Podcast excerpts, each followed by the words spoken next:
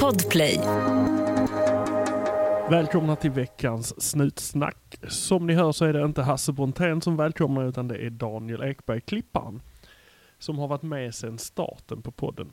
Vi har tyvärr denna veckan fått lite tekniska problem och Hasse är på resande fot. Så därför så kliver jag in istället och hälsar er välkomna. Och jag har också fått äran att plocka ut lite Patreon-avsnitt som har varit exklusiva tidigare men som vi idag bjuder på istället för ett vanligt avsnitt. Först får vi höra lite grann om eh, tullen och lite smugglarhistorier där. Och efter det så får vi höra en eh, historia om en polis som var nere i Thailand. Men jag säger som Hasse brukar göra att eh, hoppas ni får en trevlig lyssning och så var försiktiga där ute.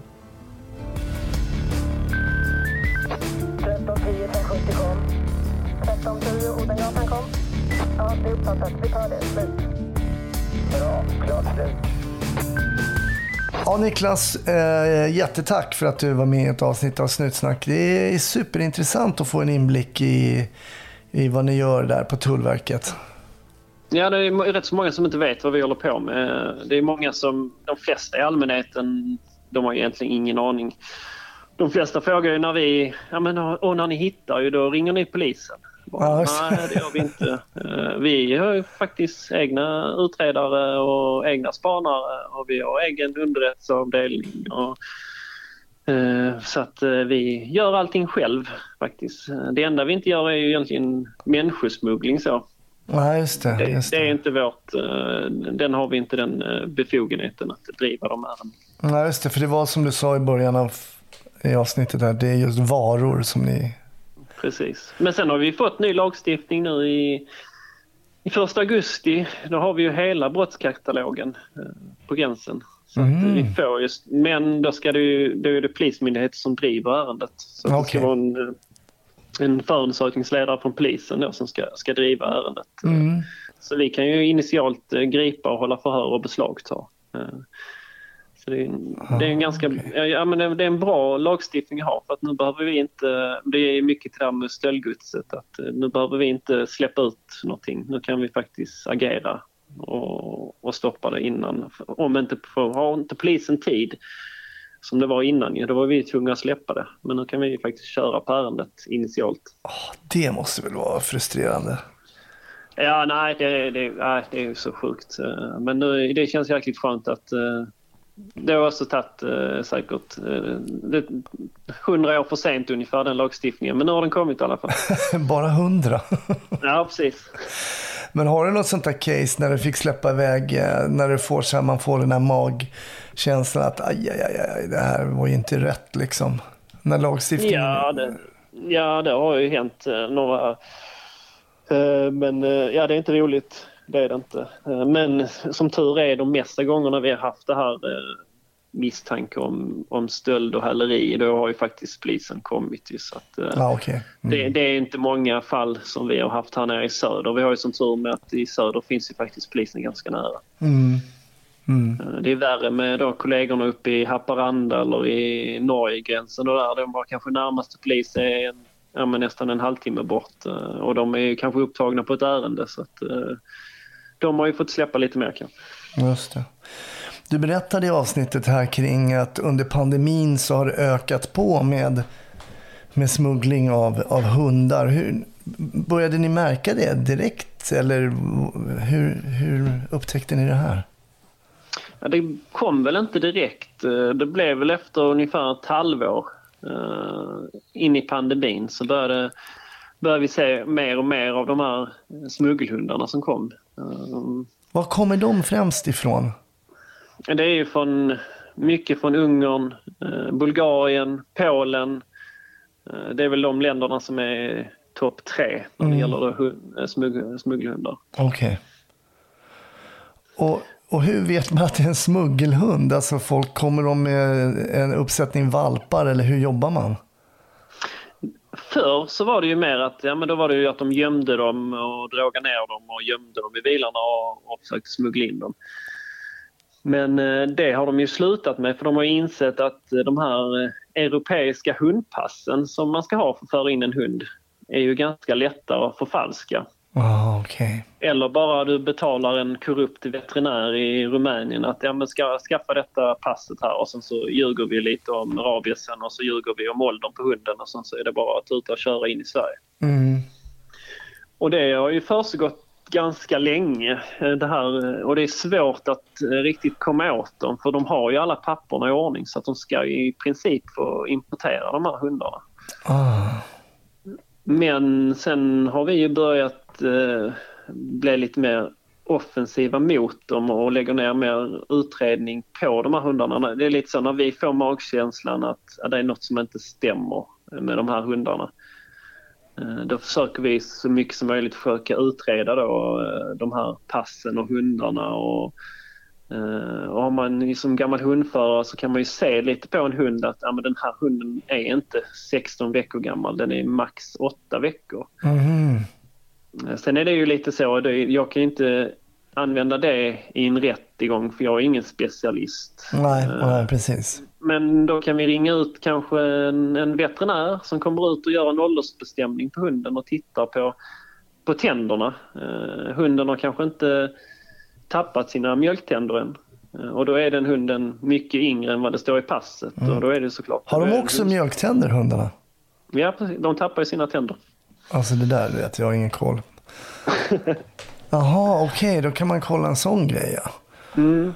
Och sen så är det såklart eh, med många, alltså det är ju sådana, transporterna är på så vidriga sätt. Eh, Vi hade något ärende nu för, eh, förra veckan när vi stannade och de, eh, ja, de ljög ju. De sa ja, de hade inga hundar. Sen öppnade vi skuffen och där bak så låg det då eh, fem stycken valpar och de hade ju legat i sin egen avföring utan vatten i 35 timmar i en transport genom EU. Så att det var ju det var knappt, knappt de var i liv nästan de valparna. Vad händer då, då med ett sånt ärende då när ni hittar så här illa åtgångna hundar? Vad, vad, de blir ju så att säga beslagtagna då förstås. Ja, nej, alltså beslagtagna gör vi inte på själva hundarna för det blir jättesvårt eh, förfarande. Men eh, det är ju, vi är ju egentligen en eh, kontrollmyndighet för Jordbruksverket. Så det är Jordbruksverket som är ansvariga för om en hund får komma in eller inte. Okej. Och Tullverket är väl ansvarig för själva lagföringen och utredningen av själva smugglaren, kuriren.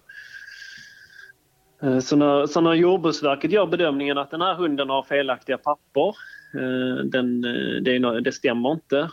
Och vi gör bedömningen att den här införseln är gjord för att ja, men tjäna pengar. Och då, då griper vi då kuriren och chauffören för smuggling. Och då blir ju hundarna, hundarna blir avlivade för att Ja, ah, de blir avlivade. Så de här valparna blev avlivade då? Ja, Ja. Eh, tyvärr är det så. Och, och det är lite så många tänker, ja, men de kan ju bo hemma hos mig. Jag kan ju ta hand om dem. Mm.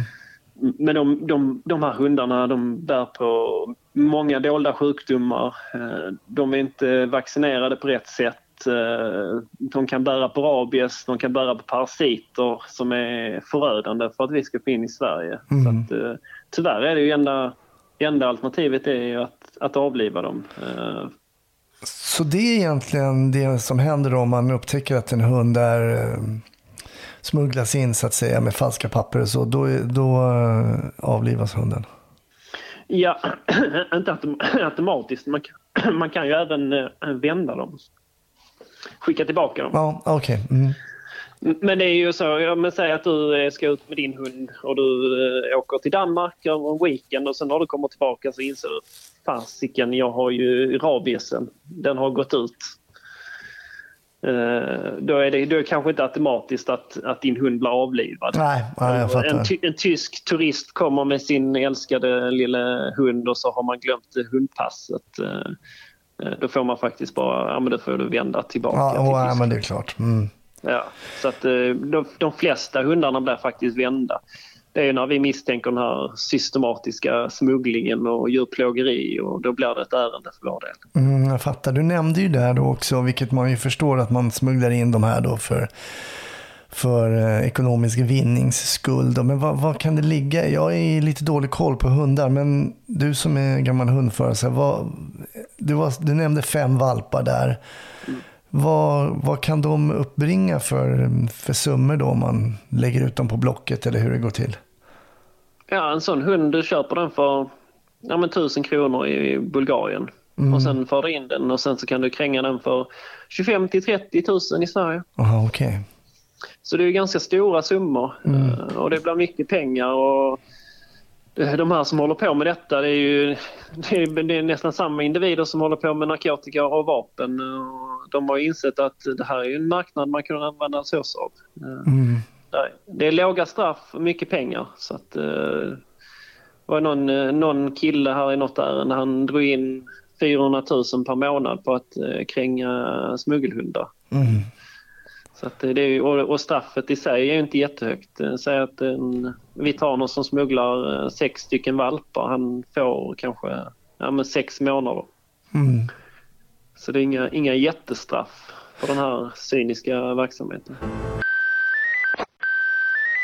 Men jag tänker om man, som i det här fallet, de här valparna som låg i skuffen och i sin egen avföring. Så det, ett, en, ett brott är givetvis smugglingen och att det är illegalt och de har eh, sjukdomar och sådär. Men jag tänker det måste ju vara eh, solklart fall av eh, djurplågeri att ligga behandla djur på det sättet. Absolut, så det blir ju, de blir ju delgivna två misstankar. Det blir ju djurplågeri och eh, så blir det ju smuggling av hundar. Mm, okej. Men djurplågeribrottet är heller inte så jättehögt eh, straffvärde på. Nej. Så att, eh, och det tror jag att de håller på att titta på just nu. Att eh, det ska kanske det ska bli lite strängare regler när det gäller just djurplågeri. Eh, Så det är ju bara positivt. Det är ju inte alla som vet kanske, men att ha ihjäl en hund det är ju skadegörelse. Precis. Och det, är Brottsbenämningen. likadant, eh, och det är likadant när det gäller våra tjänstehundar. Vi har ju den att... Eh, jag tror polisen så har vi fått en ny att det är våld mot tjänsteman tror jag väl om man slår på en polishund. Okej. men, i, men, i, men i våra tjänstehundar så blir det bara skadegörelse av Mm. egendom. För det är Tullverkets egendom som de eh, slår Mm. på. Eh, så att det är lite skevt eh, tyvärr. Där. Vi, vi var inte riktigt med där när de gjorde den här blåljusutredningen. Missar man Tullverket. Det brukar man göra ibland när det är nya, nya lagar som kommer. Ni får vara lite mer på tå där alltså. Ja, så att eh, du får mindre straff för att eh, slå en eh, tulltjänsteman än att slå en polis. Ja, just det, just det. Men den här ökningen då, du sa ungefär efter sex månader in i pandemin så ja, folk kände väl sig ensamma och jag har ju några exempel på vänner som faktiskt skaffade hund under just eh, pandemin. Men känner ni att det här trycket finns kvar gällande att ta in eh, hundar? Det har väl börjat avta lite, eh, men som sagt, som sagt, vi hade ett ärende förra veckan också så att det, det kommer inte, det kommer inte sluta, eh, för det är så stora pengar i det. Eh, Så att, men det kanske börjat avta lite och det är, jäkligt skönt. För att det är, de ärendena är inte, de är inte roliga att handha. Nej. Vi är ju med, med när de här eh, stackars valparna avlivas. Så att, eh, Ja, de är inga roliga ärenden att ha. Eh, Men såklart, vi vill gärna sätta dit de som håller på med det. De här individerna. Såklart. Nej, men det är väl en sak att, att, att smuggla döda ting så att säga. Som, men att, att smuggla de här levande varelserna med, med känslor och allting. Det känns ju... Nej, det känns som att man är kall. Kall i hjärtat. Ja, nej, det är inte, jag kan säga att många av de här eh, smugglarna, jag har aldrig sett någon av dem eh, gråta över någon hund precis. Nej. Eh, där är inte mycket, de är inte värda mycket, eh, de hundarna. Jo, de är värda mycket pengar, men inte känslomässigt. Nej. Där är de inte värda mycket. Nej. Ja, oerhört eh, tragiskt. Och det är ju också tragiskt det här med eh, när man ser liksom pengarna framför sig så är man, många människor är tyvärr benägna att gå över rätt många gränser. Precis, och det är ja, det är även de som kränger narkotika, de, eh, som, som kränger fentanyl. De har ju inte, de skiter ju fullständigt om brukaren. Ja, det är klart, det är inte bara om kunden dör ju, men de eh, bryr sig nog inte så mycket om själva människan. Allting är ju, handlar ju om pengar. Mm. Och fentanyl är, för, för er som inte vet det, så är det en syntetisk opiat som är ju väldigt potent och många överdoser på fentanyl. Precis, som är tyvärr på uppgång i Sverige som, eh, som vi måste stoppa tidigt. Eh, Nu när vi spelar in det här så börjar det ju nalkas. Det är andra advent eh, eh, 2021. Eh, hur ser det ut liksom eh, under eh, högtid, högtiderna, jul och sådär. Är det speciella tider på året som ni kan se att smuggling ökar, ökar eller, eller minskar? Men det är lite så att eh, inför högtiderna så ökar ju smugglingen. Och även det som är lite sjukt är ju också att inför semestrarna så ökar smugglingen. Och det här är bara min egen tes men det tror jag att eh, i juli så vill många av de här som håller på med smuggling också ha lite semester så att eh, Ja, så de eh, det- trycker in det i maj, juni. Vill de in sina grejer så kan man ta det lite lugnt i, i juli. Eh, Så att eh, inför högtiderna så ökar ju smugglingen eh, jättemycket. Men själv, på själva högtiderna sen, eh, jul och nyår och där, då är väl inte det ett jättetryck på gränsen. Det är inte så många som reser över och Mm. många är ju hemma. Så att, eh, vi har väl ganska lugnt. Eh, såklart jobbar vi ju högtiderna men vi har kanske inte de största och bästa beslagen på, på julafton precis. Nej, nej, jag fattar. Okej, men ni, Då du kan... mer, Man kan rattfylleri och sånt. ja, just det. Nej, men det är ändå intressant att du kan se det här. Um, du kan se de här tendenserna att kanske är det till och, med, till och med så att smugglarna vill ha lite semester så att det trycker på lite innan där i maj. Och Ja, men de har, de har ett ganska hektiskt liv de här kriminella ju så att eh, de vill också ha lite ledighet. ja, jo, men det strävar vi alla mot. Mm. Och eh, nu ska du få lite ledigt Niklas. Jag ska inte uppehålla dig längre, men jätteintressant än en gång och det här med den här smugglingen av hundar som jag kunde väldigt lite om. Men det är intressant där tycker jag att man, alltså de är så himla uppfinningsrika eh, folk som vill begå brott att man kan hitta då så att säga den här legala illegala vägen. Jag tänker på de här förfalskade hundpassen och sådär. Som försvårar för er i, i tullen så att man inte bara lägger i, i skuffen och låter dem sova i sin egen avföring. Det finns olika varianter så att säga. Precis. Och alla får en sudd pengar på vägen. Veterinären som gör det här falska passet och så vidare. Och så, vidare. så det finns alltid liksom en, någon typ av money exchange hela kedjan. Liksom. Mm.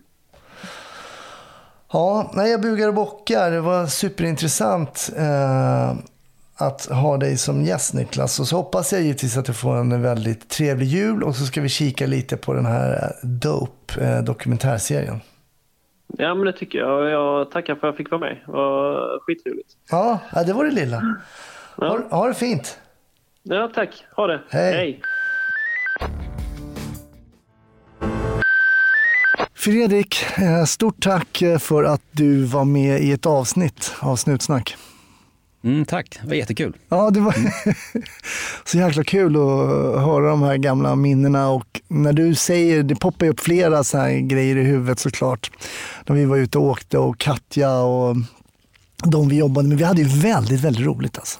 Ja, men superkul. Och, och det är väl det som jag lite grann just nu brinner för att få föra vidare till, eh, till yngre poliser.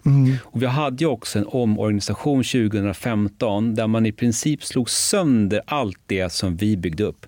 Det som ni påbörjade på gamla gatlangningsgruppen i city, som vi vidareutvecklade vill jag säga, på rave och som vi spred runt om i hela landet. Vi var med i så här projekt som mobilisering mot narkotika som regeringen eh, eh, startade upp eh, där vi reste runt i hela Sverige och utbildade folk i våra arbetsmetoder och vi spred det till olika närpolisstationer och sånt där. Sen slog man ju sönder all den där kunskapen 2015.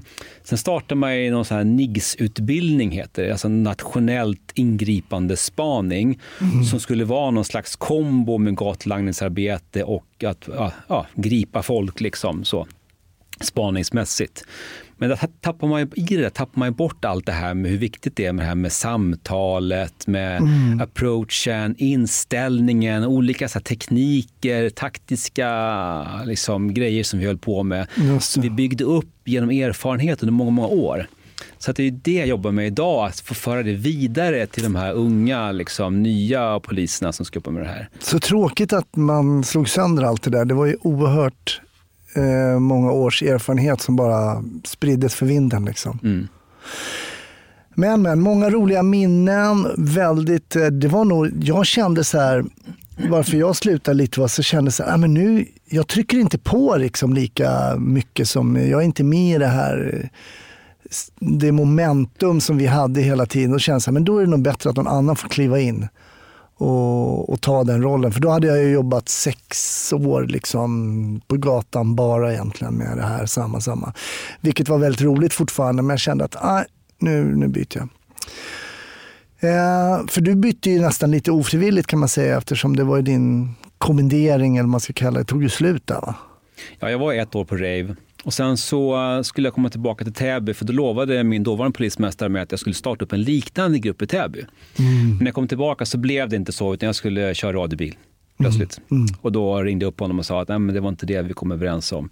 Och då fick jag vara på span i Täby ett halvår. För att föra över mina kunskaper dit. Eh, så. Eh, och sen när det halvåret var slut så var det tillbaka till radiobilen igen. Liksom. Mm. För på den tiden var det ändå så att det spelade ingen roll hur duktig du var. Var du för ung så fick du inte chansen. När man gick på ålder då. Då skulle du in i radiobilen? Ja, alltså. men precis. Så är det ju inte idag. Eh, men då gick man mycket på ålder. Så den som var äldst och sämst fick tjänsten och den som var yngst och bäst fick vänta. Lite så. Ja, det var ju knäppt. Annan, det var knäppt. Ja, det var andra tider. Det var tjänsteår som gick först. Ja. Jo, men eh, som jag sa i avsnittet, i slutet på avsnittet, mm. så jag vet inte alls det här caset. Du nämnde bara innan att du skulle berätta om en grej som hände när du, var, när du inte var i tjänst. Vad, vad mm. var det för ärende? Och, varför sitter det kvar i minnet? Ja, det är inget ärende egentligen, det är en, en, en, händelse. En händelse, ja. Där jag väldigt tydligt kliver in i min uh, yrkesroll. Okay. Jag tänker inte så då när det händer att nu kliver jag in i min yrkesroll, utan allting bara händer. Men jag har reflekterat över det efteråt. Mm. Uh, och det var under tsunamin 2004. Okay. Så var jag i Thailand. Uh, jag hade varit tillsammans med en tjej ett tag. Eh, med Sara. Mm. och eh, min blivande svärfar bjöd på resan för hans dåvarande sambo fyllde 50. så vi var sällskap på fem personer. Alltså jag, min nuvarande fru, hennes pappa och hans sambo och dotter. Mm. Döttrar till och med, så det var sex personer var vi till och med. Okay. och sen så var det då annandag jul. Jag vaknar klockan åtta på morgonen av att vår säng skakar. Okay. Som satan skakar den. Så jag liksom är lite sömndrucken så jag vaknar till och så som knuffar jag till Sara och säger så här, du kan du sluta skaka sängen, jag vill sova en stund till. Oh. Och hon slår till mig och tycker att eh, nej men du får sluta skaka sängen. Och tänker, vad fasen, där är det någon här massagesäng? Men jag är ändå i Thailand. Liksom. Så jag börjar treva längs med sänggaveln för att stänga av den där sängen som bara vibrerar. Liksom. Och sen slutar sängen skaka och jag somnar om. Eh, tänker inte mer på det. Eh, sen så eh, strax efter så vaknar vi ändå, går ner och käkar frukost och så möter vi eh, Saras pappa vid frukostbuffén på hotellet. Vi var mm. alltså på Kamala Beach eh, i Phuket. Mm, där har också varit. Mm. Ja. Och eh, då säger Hasse, då, som han heter, kände ni jordbävningen? Ja, men då rann ju poletten ner. Ja, var det en jordbävning? Gud vad häftigt att få uppleva det. Det har jag aldrig gjort förr. Det är någonting att berätta när man kommer hem, att man är med om en jordbävning. Mm, mm. Såklart det var det. Liksom. Så tänkte man inte mer på det. Eh, vi gick upp och bytte om snabbt till badkläder, hoppade i poolen. Och vid tio på morgonen så ligger jag och Sara i poolen och poolen ligger väldigt nära stranden. Mellan stranden och poolen så är det en liten häck som kanske är en halv meter hög. Men när man ligger i poolen så ser man inte havet för den häcken är i vägen. Men då vid tio så börjar folk skrika nere vid stranden och det kommer folk springande och hoppar över den här häcken som gaseller. Liksom. Eh, massa människor med springande och de skriker get up, get up, get away, get away. Och vi förstår inte vad det är för någonting, men vi tar oss upp i poolen. Man försöker speja runt vad det är som händer. Och jag tänker spontant att det kanske är någon så här terrorattack på gång. Att det kanske kommer några män i gummibåtar med vapen och därför folk skriker. Liksom. Så, för det ändå var en, en del sånt här i södra Thailand. Så jag tänker det är väl det som är på gång. Då. Mm. Men jag vill inte fly, utan jag vill ju liksom se vad det är jag flyr ifrån så att jag flyr åt rätt håll och på rätt sätt och sådär. Eh, jag tror det är ett typiskt manligt beteende. Att innan jag springer ska jag veta varför jag springer. Medan det kvinnliga beteendet är mer att det är fara, nu springer vi. Så att Sara drog i mig och vill springa in på hotellet och jag vill först kolla. Men, men jag låter henne bestämma, för hon vill bestämma att vi ska springa. Vi bara lämnar alla våra prylar vid poolen och så springer vi in på hotellet. Vi springer upp två våningar och där i trapphuset så tittar jag ut eh, och då ser jag hur det bara väller in vatten. Brunt vatten över poolen, den blåa poolen blir alldeles brun och så in i trädgården, liksom, in i hotellområdet, bara fylls på med vatten, liksom, hur mycket som helst.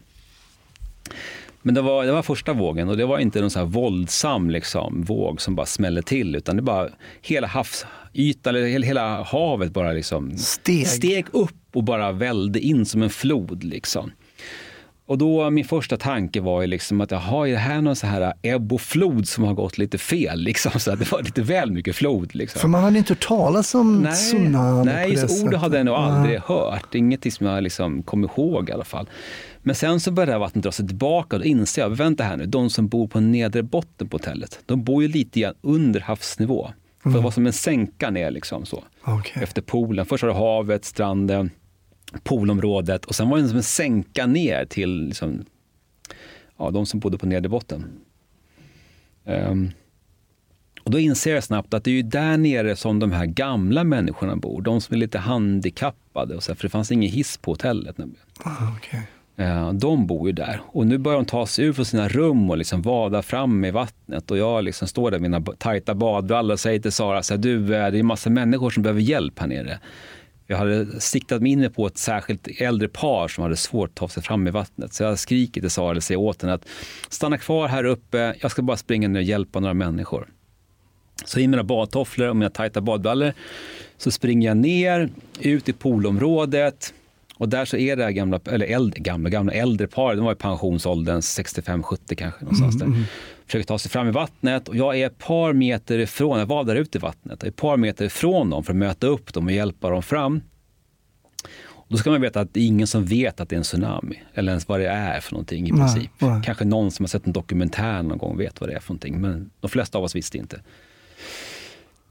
Eh, Men jag är ett par meter ifrån dem så hör jag riktiga primalskrik nerifrån stranden, uppifrån balkonger. För att i det här läget så har ju folk efter första vågen tagit sig ut liksom för att liksom kolla vad som har hänt. Och vattnet drar sig, drar sig tillbaka väldigt långt ut och så folk beger sig ut igen vissa liksom för att kolla på förödelsen.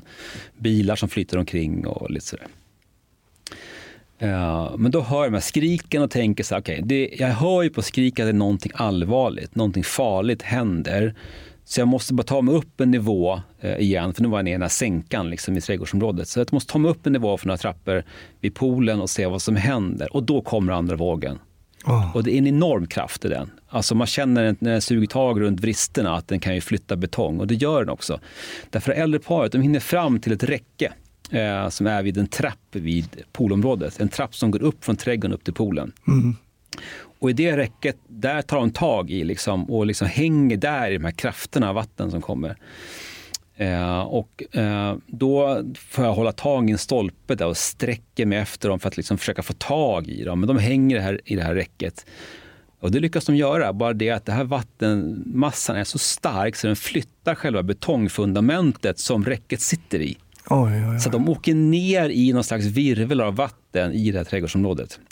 Så precis när du försöker Ja, nå ja. så försvinner de Så då? försvinner de bara iväg och då inser jag att det här ska jag inte vara just nu. Det är väldigt dumt att vara just så. Jag var inträngd liksom i en hörna.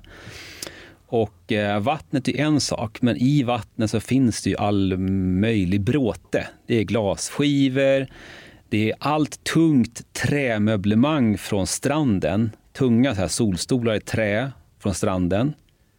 Och hela frukostmöblemanget flyger in i mig. Liksom.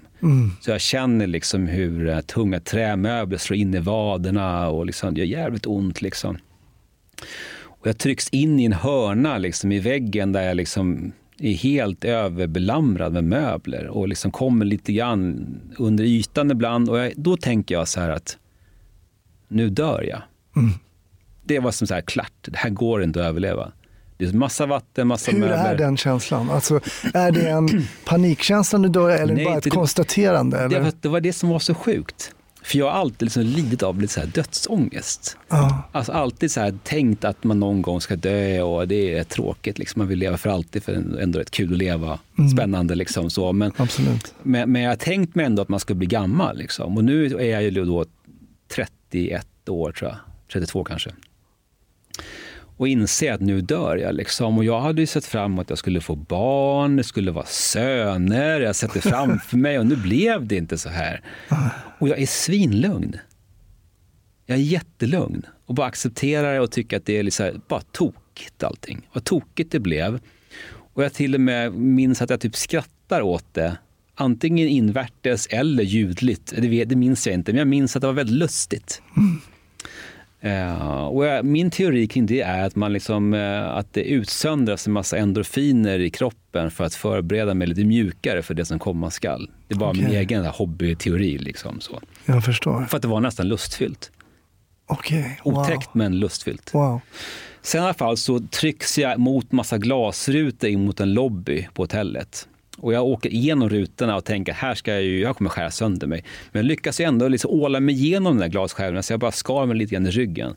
Kommer in i lobbyn, Du flyter in i lobbyn ja, alltså. trycks av, av, av vattentrycket och möblerna in i, liksom, i genom stora fönsterpartier som är trasiga av, av, av trycket. Liksom.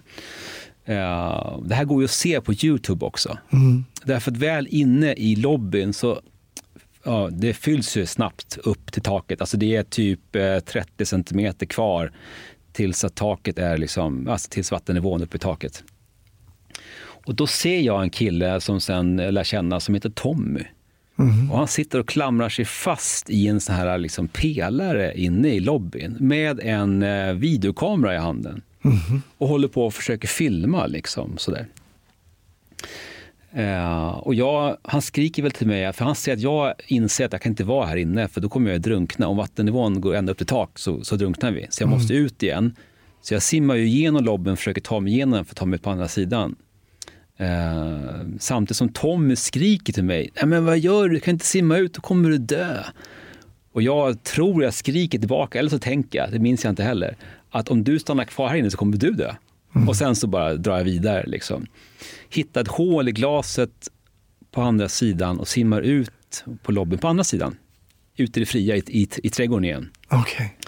Och där dras jag ju med av de här kraftiga vattenmassorna, för det är en jävla tryck i de här. Ja. Eh, och inser ju snabbt att shit, med den här farten jag åker fram i vattnet så kommer jag ju snart åka genom fönsterrutorna längre in på hotellområdet. Just det. Och det vill jag inte, för att om jag åker genom fönsterrutan så kommer jag förmodligen skära sönder mig nästa gång. Jag hade tur första gången, men andra gången så kommer det bli illa. Då får jag syn på ett litet träd som sticker upp, bara liksom eh, toppen på ett träd. Men för att komma dit så måste jag simma som fasen. Så jag tar i allt vad jag har, simmar järnet och lyckas liksom simma fram till den här toppen, ta tag i den och ställa mig i den och balansera. Eh, och då så får jag syn på, för då är jag liksom på den sidan där vi har vårt hotellrum och vår balkong. Så då ser jag liksom eh, Sara där uppe. Okej. Och hon ser jag ligger ner liksom på balkonggolvet och brutit ihop och liksom, ja, skriker. Liksom. Hon, hon tror ju att jag har dött såklart hon ser de här vattenmassorna. Mm, jag. Jag ser att de andra i sällskapet försöker trösta henne. Eh, och jag skriker då upp till henne, Sara, här är jag, det är okej. Eh, ta lite foton. Liksom. För jag tyckte att när jag står här i trädet måste det se väldigt lustigt ut. Alltså, man tänker så mycket konstiga tankar. Jag tänker så här, det här måste man ju visa när man kommer hem. Sen, Att det var en tsunami fattar man ju inte. Att det kom massa vatten, ja, men det här var säkert ett lokalt fenomen just på den här stranden, tänkte jag. Eller just där vi befann oss. Och nu står de där uppe, så ta en bild på mig. Det kan ju vara kul att ha som minne. Liksom. Man tänker mycket dumma saker när man är mitt i en sån här grej. Liksom. Shit. Ja, så de fotar med mig lite grann där och eh, sen sjunker vattnet undan. Och sen så är det lite gamla människor som har klättrat upp och liksom satt sig på lite höga höjder som plötsligt blir väldigt högt när vattnet drar sig undan. Så jag hjälper någon gammal dam ner liksom från något ställe de klättrar upp på. Och så, så vadar jag igenom igen, tar mig igenom lobbyn fullt med glas och skit överallt. Och så tänker jag så här, innan jag går upp till vår våning så måste jag ändå se vad som blev av det äldre paret som jag skulle hjälpa från första början. Ja. Så jag tar mig igenom lobbyn och ut på andra sidan. Det är ett stort hotellområde med flera pooler. Så jag tar mig igenom lobbyn, så kommer ut på andra sidan och där så ligger den här mannen som jag skulle hjälpa från början. Han ligger alltså flyter medvetslös med ansiktet neråt i poolen. Två stycken i personalen, eh, thailändare, försöker, liksom, fast de själva inte kan simma, så försöker de med hjälp av en luftmadrass ta sig ut till honom för att hjälpa honom. Men det går ju sådär alltså, när man inte kan simma. Så man är fullt sjå med att hålla sig själva flytande. Eh, men så dyker en norrman upp också där.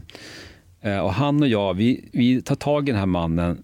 Eh, tung, hal som en ål, medvetslös. Vi tror att han är död, vi vet ju inte. Eh, så vi lyfter upp honom, tar honom i, liksom i, i handlederna och i vristerna och så försöker vi släpa in honom i lobbyn för att ta honom vidare upp liksom några våningar. Mm.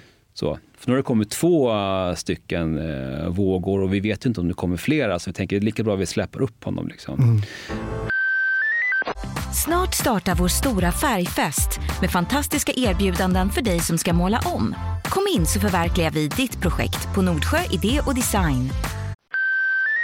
Men när vi kommer in i lobbyn så visar det sig att själva liksom dörrhålet, alltså in till trapphuset, är ju belamrat med ett berg av möbler som har samlats där. Eh, alltså ett jättegigantiskt berg av, av trämöbler. Så vi skriker upp i trapphuset att, att vi behöver hjälp och komma, att någon måste komma ner och hjälpa oss att få undan allt bråte så vi kan komma in i trapphuset och bära upp honom.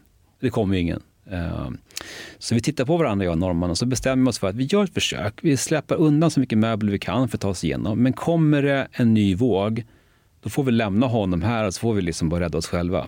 Men vi hittar en liten avsats i lobbyn som är som två meter upp där vi lägger honom så att om det kommer lite vatten så kanske han kan ligga där i alla fall om vi måste fly. Liksom. Så vi lägger honom där och så ägnar vi några minuter åt att släpa undan massa möbler fort som tusan. Tar tag i honom igen eh, och släpar upp honom då eh, upp för eh, två trappor och då hör vi skriken igen. Då kommer tredje vågen. Då har vi precis liksom fått upp honom på andra våningen. Och så ska man veta att andra vågen, den tog sig upp till andra våningen. Den var så pass hög. Liksom. Wow. Eh, Så att man behövde komma upp till minst andra våningen liksom, för att klara sig. Eh, Och när vi kom upp dit då, alltså, han var jag visste inte om han levde. Eh, Men jag såg att hans mage var helt uppskuren, från ena sidan till den andra. var helt uppskuren, liksom ett snitt tvärs över hela magen, så inälvorna var ju på väg ut. Liksom. Eh, och med tanke på att han legat i det där skitiga vattnet så tänkte jag att dör han, är han inte död så kommer han i alla fall dö av infektioner i den här värmen, tropisk hetta, bakterier och skit. Liksom. Så. Så det kom någon, ehm, en kvinnlig städare där på hotellet, en thailändska, och försökte liksom förklara för henne att jag behövde ha någonting att tvätta sår med. You have something to clean wound. Liksom. Och då kom hon med en blå flaska, ganska stor flaska med blått innehåll som det stod 70 procent på och sen resten thailändska. Så jag visste ju inte om det var sårtvättmedel. Men det stod 70 procent, någon slags eh, Alkohol. alkohol var det i, tänkte jag. Så jag tog det där och så bara öste jag in det i magen på honom. Ren sprit, nästan 70 procent i sprit. Eh, och då började han röra på sig. För han levde ju och det gjorde ju ont som satan. Liksom. Jag öste på där i såret så att det kom in i magen på honom och allting. Eh, och sen så fick vi hjälp med att riva liksom, rena lakan som vi lindade runt magen. Och hans vad hängde på, på en trekvart så den tvättade vi också rent med sprit och lindade fast. Och så hade han ett rejält eh, sår i huvudet också som vi lindade liksom, och tvättade. Sådär. Men av smärtan av spriten så började han ändå kvickna till lite grann. Eh, uh, undrade var han var någonstans och frågade efter sin fru. Uh, vi visste ju inte var hon var. Jag hade sett att det låg en kvinna död och övertäckt nere vid poolen. Så jag antog att det säkert var hon. Men vi visste ju inte så vi kunde inte svara på det heller. Uh, så vi plåstrade om honom så gott vi kunde. Försökte liksom hålla honom lugn och sådär. Visste inte om han skulle överleva. Liksom. Nej. Men då var det liksom, det är nu man kommer in här med polisrollen lite grann. Därför fram till, alltså jag var ju fortfarande ganska ung vuxen. Eh, Jag har ju varit polis sedan jag var ja, typ 21 till nu jag var 31, eh, runda slängar. Tio år. ungefär. Tio år. Och under de här tio åren, under mitt då hela vuxna liv, så hade jag i princip bara gjort lumpen och sen umgås med poliser. Alltså människor som var ganska vana vid att liksom agera när det händer saker. Så jag trodde väl att när det händer saker så agerar människor. Men det som chockade mig lite grann i den här händelsen var att jag fick lära mig att de allra flesta människor gör ingenting Nej. när det händer såna här saker. Eh, stora faror så kommer helt överraskandes eller händelser som, som kräver att folk agerar på något sätt. Men också i någon form av chocktillstånd. Du, var ju, du berättade ju tidigare att du kände att nu dör jag och du Mm. var ganska lugn i det. Och något sätt så kan man kanske um, förstå det. Jag tror jag har varit i en, en liknande eh, händelse när jag var yngre i och för sig. Men, men hur lugn är du nu i det här då? För nu är du ju mitt uppe i, i hela tsunami och med jobbet kring. Hur, hur, hur lugn är du just nu i det läget du befinner dig i som du berättar om? Ja, det har jag insett senare. Jag gick ju in i min yrkesroll. Uh, och, när, och det har jag också liksom känt tidigare i jobbet och också efteråt att när det händer såna här saker så blir jag liksom extra lugn för att det krävs ju av att man tänker lite klart och gör rätt val. Mm. Så att jag blir ju liksom lugn på ett sätt som att jag går in i min polisroll. Mm. Uh, och det händer ju så mycket saker här. Medan jag plåstrar om den här mannen och försöker liksom hålla honom lugn så är en annan äldre man bredvid där någon ropar att han har fått en hjärtinfarkt. För han blev så chockad så att ja, han fick mm. någon infarkt eller något sånt där. Så jag får liksom delegera någon annan att ta hand om den personen. Och folk märker att här är någon som har tagit kommandot. Det var mm. ingenting jag hade bett om, men folk märker att här är någon som gör någonting och har koll på läget verkar det som. Så nu kommer ju folk till mig. Eh, bland annat så kommer den här norrmannen upp igen. Eh, han hjälpte mig att lägga av den här mannen på tredje våningen. Sen sprang han iväg för att leta upp sin familj. Han har alltså prioriterat att bidra med det här först innan han letar upp sin familj. Så han sticker ner för att hjälpa, eller för att hitta sin, eh, sin fru och sitt barn kommer tillbaka upp igen och säger så här, det är en gasläcka på hotellet. Han kan inte vara där nere på nedre plan. Mm -hmm. Det är en gasläcka. Oj. Uh, och uh, i det här läget så är det väldigt många som är väldigt stressade och chockade så att alla står ju och röker på sina balkonger och i trapphusen oh. och sådär för att lugna sig. Och så kommer han upp och helt yr i huvudet säger att det är en gasläcka.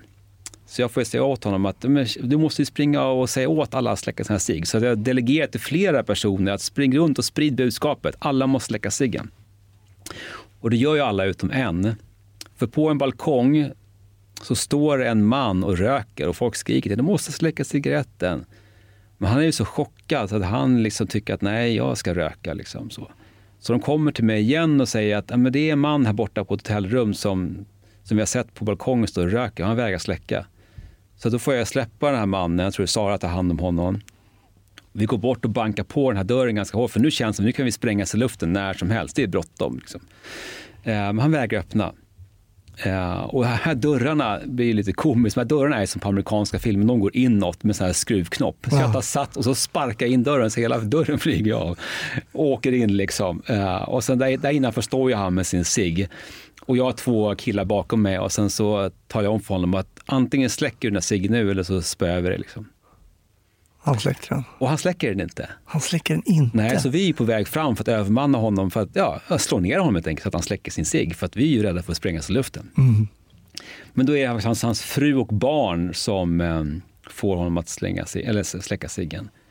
Men han är så chockad själv och han står och pratar om att jag har varit med om värre saker förut. Jag har varit med om jordbävning i Kalifornien, det här är ingenting. Och så. Mm. Han är ju bara chockad. Liksom, mm. så. Men han, till slut så släcker han ciggen. Tillbaka till den här mannen igen som jag, med, som jag tog hand om från början, som var svårt skadad. Um, till slut så lyckas vi få, kommer en pickup uh, som ska köra honom till sjukhuset. Så vi uh, tar en säng och lägger honom i den sängen och så bär vi ner honom flera stycken hjälps åt här och bär ner honom och lägger honom på pickupen. Då sitter det redan massa människor som har tagits upp på den och vill också åka med. Men då får vi liksom i princip tvinga av att vi måste prioritera den här personen mm. som är ja, dödligt liksom skadad. Så. Så den drar iväg.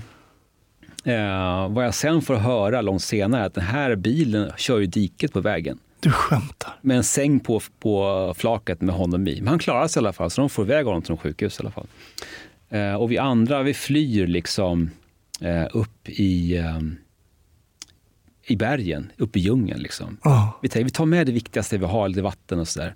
Och sen så tar vi en chansning och så bara springer vi. Så när vi är liksom halvvägs upp i bergen på gatorna där så kommer någon så polisbil med megafon och, och liksom larmar och, och eh, skriker i megafon. Nu är nästa våg på väg. Det var det inte, men de sa det. Så vi wow. släppte alla våra väskor och bara tog sprang. Liksom. Och så sa jag att nu är det bara du och jag, nu bara kör vi vårt race och så bara springer vi. Liksom. Skiter i alla andra och så bara springer Shit. vi. Liksom. Uh, och, så upp i berg, och så på väg upp i bergen, det var ju så fantastiskt med Thailändare, då står ju de alltså längs med ungefär som ute och springer så här Lidingöloppet eller någonting. Då står de och delar ut så här vattenflaskor till oss som springer upp mot bergen. Men du För att ta skämtar. hand om oss turister. Och väl uppe i bergen så kör de skytteltrafik med så här crossmotorcyklar upp för att leverera frukt och lite godis och dricka och så där. Så där satt vi till skymningen tills det kom lite bussar som skulle evaku- evakuera oss då in till, eh, till Phuket Town. Eh, och väl där på ett hotell så såg vi då första gången på CNN att det var en tsunami och att det var liksom över hela regionen, ända bort mot Afrika. Liksom. Då förstod vi vidden av det här Wow. och fick höra ordet tsunami första gången. Eh, och där på hotellet så träffade jag på Tommy. Han som sitter och håller fast sig i den här stolpen, eller pelaren inne i foajén där i lobbyn. som säger så här, du jag har en film på dig som du måste se. Mm. Och så gav han mig en CD, en sån här CD-ROM-skiva. Mm. Och så sa han så här, men nu ska jag vidare till Koh Samui. Ha det bra, hej. Och så drog han. Med blodiga fötter. Han hade sprungit runt en massa glas också. Han var helt blodig på fötterna och du vet, sönderskuren. Men han skulle vidare på sin backpackresa i alla fall till, till Koh Samui. Och där stod jag med den här CD-ROM-skivan. Jaha, jag är med på den här filmen. Det måste jag ju se.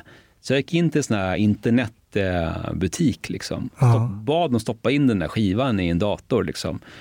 Och så fick jag ju se liksom den här filmen. Han står ju alltså bakom min rygg och filmar mig när jag ska hjälpa de här, det här paret. När jag håller den det. stolpen och försöker sträcka mig efter dem och när jag liksom håller på där vid glasrutan när de exploderar. Och sen så doppar han kameran till slut i vattnet när han försöker hålla fast sina pelaren där, så att filmen bryts ju. Men det var ganska så här wow, mitt i liksom. Jag har faktiskt sett den.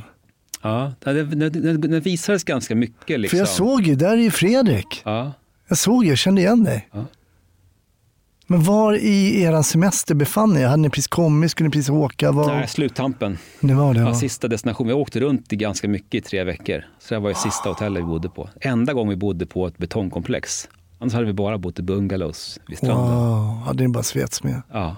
För så var det. Kamala Beach var ju totalt eh, bortblåst. Ja. Eh, totalt sopat med marken, förutom hotellet vi bodde på. För det var det enda stora komplex som fanns då. Just det.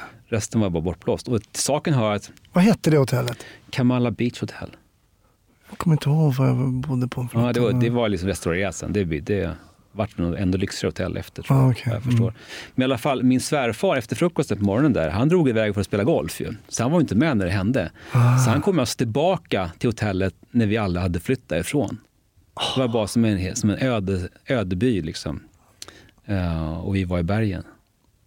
Hur, du berättar lite att, att kliva in i yrkesrollen här och att det hade det ju antagligen förberett dig utan att du visste om det. Att kliva in, ta lite befälet, vara lugn i en situation som gjorde att många kanske blev apatiska eller chockade. Och där du, vad gjorde det här i, i förhållande till din flickvän? Vad hände mellan er? Alltså, hon trodde att du var död ett tag, du ropade att du ville bli fotad. Vad hände med ert förhållande efter den här starka upp, gemensamma upplevelsen?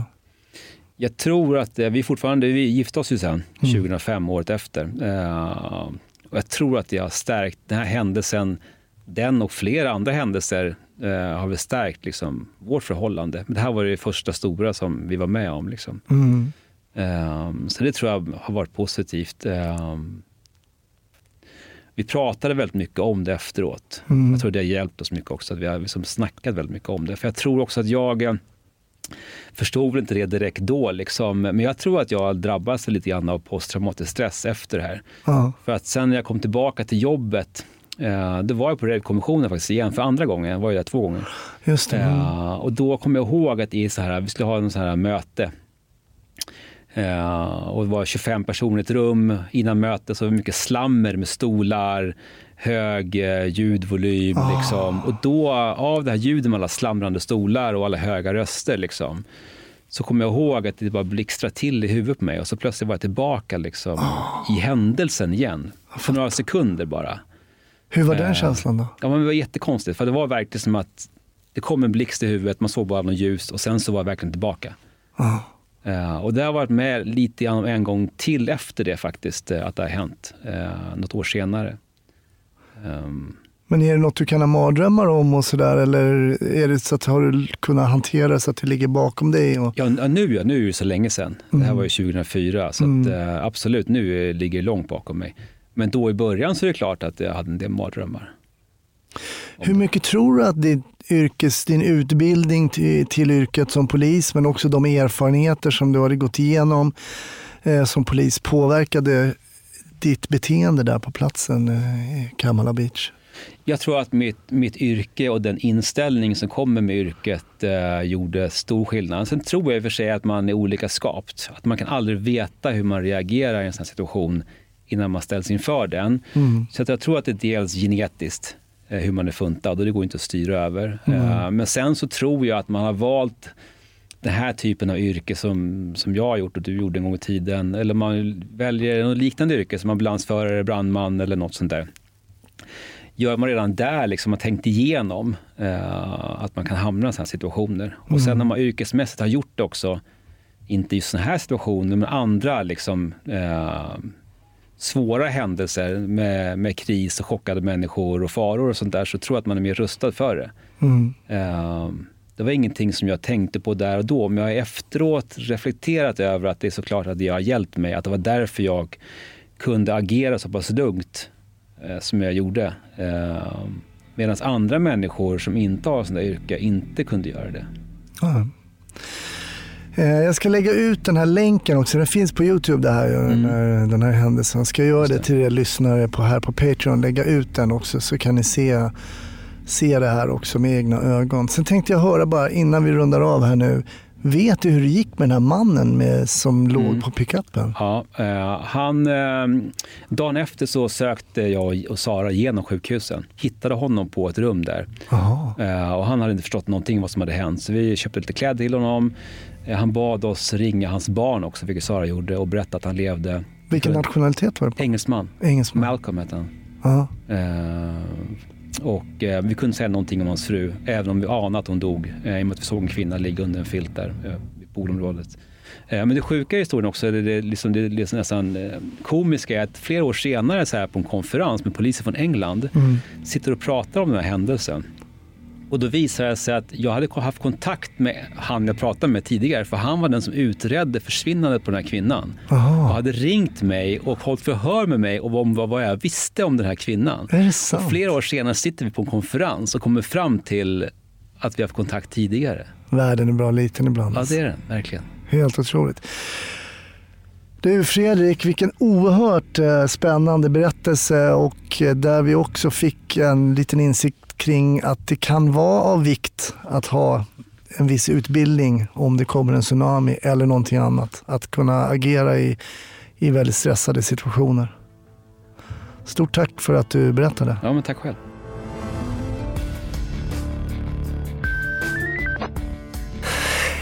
Tack för att du har lyssnat på Snutsnack. Nu är dagens avsnitt över, men det kommer ju såklart ett nytt i nästa.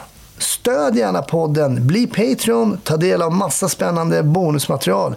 Patreon.com slash snutsnack. Vi hörs nästa vecka hoppas jag. Ha det fint. Hej då!